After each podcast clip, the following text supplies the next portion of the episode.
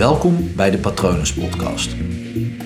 Mijn naam is Paul Vet en in deze podcast deel ik inspiratie voor een leven vol vrijheid en verbinding.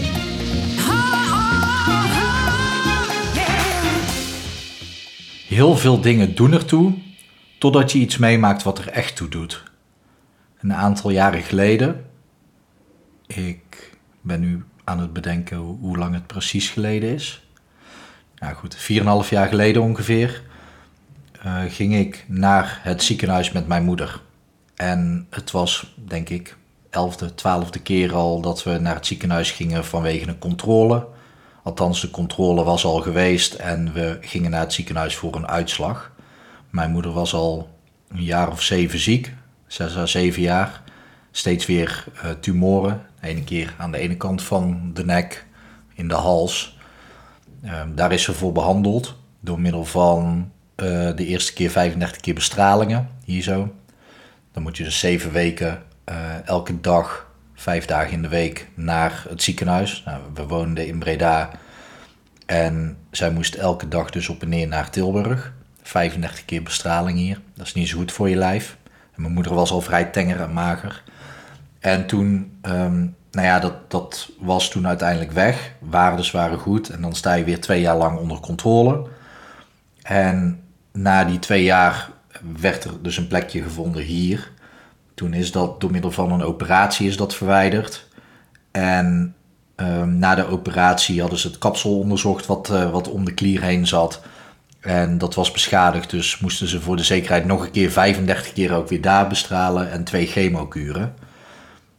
Nou, als je daaraan denkt, dan denk je al, oké, wat doet er echt toe?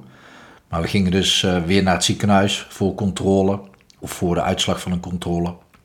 En we zitten daar en een arts die een slecht nieuwsgesprek begint, die zegt dat meteen op een platonische manier. Die zegt meteen hoe het is. Heel fijn, maar wel een bom. Er werd gezegd: U gaat dood en u heeft nog maximaal acht maanden te leven. En als je dat te horen krijgt, dan doen er heel veel zaken niet meer toe. Dan ja, dan is dat het enige wat er op dat moment echt toe doet. En vallen heel veel andere zaken eigenlijk best wel mee of sta je niet eens meer bij stil, ga je aan voorbij. En natuurlijk is dat ook met niet alles goed, maar om even een duidelijk voorbeeld te geven van pas als je iets meemaakt wat er echt toe doet, dan zijn heel veel dingen, heel veel zaken waar je je op dit moment zorgen over maakt, eigenlijk best wel onbelangrijk. En het, wat er nu in mijn hoofd opkomt is heel gek. Ik gun je bijna zo'n soort ervaring. Liever wel met een fijnere afloop of met veel minder lijden.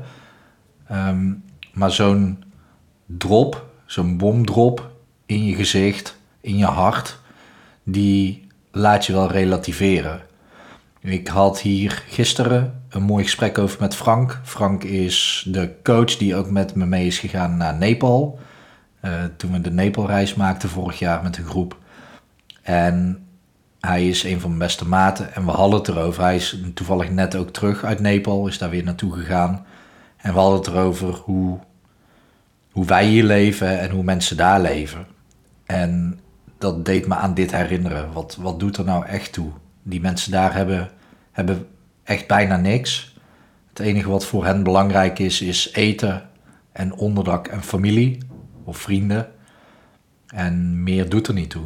Zij leven echt van dag tot dag. Nou, als ik vanavond eten heb, dan, dan is het goed. En heb ik geen eten, dan ga ik naar familie, dan hebben zij wel eten.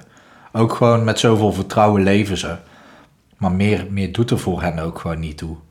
En wat me daar dan het meeste raakt nog is, zij hebben dus niks. Dus zelfs al zouden ze s'avonds geen eten hebben, dan zouden ze hun plekje bij familie om te gaan eten nog aan jou weggeven als ze merken dat ze jou daarmee kunnen helpen. En dit zijn dan twee best wel krachtige voorbeelden, vind ik, van ja, waar maak ik me nou soms gewoon helemaal druk om? Wat, ja, dan, ja, dan zit er een vlekje op mijn bril, merk ik nu. Ja, en ik ben een video aan het opnemen. Ja, daar kan ik me zorgen over maken, maar is dat nou zo belangrijk? Of ja, ik, ik voel me iets te zwaar. En dat is prima, hè? Want ja, het is zo. En ik ben daarmee bezig om dat eh, op te lossen door middel van sport. Maar ja, om daar nou over in te zitten. En ik vind het altijd belangrijk om bij dit soort dingen te vermelden dat het geen nut heeft om dingen te vergelijken. Want dat ik mezelf een kilo te zwaar voel, dat uh, kan voor een ander echt een ramp zijn. Dus het heeft geen nut om gevoelens te vergelijken met elkaar of situaties. Maar wel om te kijken naar, oké, wat doet er nou echt toe in je leven? En dit soort zaken die zorgen er bij mij in ieder geval voor dat ik dingen makkelijker kan relativeren. Ik heb ehm, toen mijn moeder verloren en zij was op dat moment de belangrijkste persoon in mijn leven. En ja, dat zorgt echt wel voor een, een sterk relativeringsvermogen. Vandaar dat ik ook zeg dat ik je een soort gelijk iets gun, maar dan uiteraard niet op deze manier. Maar wel dat inzicht, wel dat relativeringsvermogen, dat sommige dingen gewoon onbelangrijk zijn die we veel te belangrijk maken. En andere dingen eigenlijk veel belangrijker zijn die we niet belangrijk genoeg maken. Dat wilde ik even met je delen. Ik hoop dat alles goed met je gaat. En mocht je um, me een mailtje willen sturen, stuur me een mailtje op patronen.palvet.com. Wil je meepraten, kijk even op Instagram onder Palvet. Ik ben benieuwd. Um, ik ben ook benieuwd welke dingen jij nu opeens een stuk minder belangrijk gaat maken. Laat het me weten. Ik wens je in ieder geval een mooie dag toe. Hi.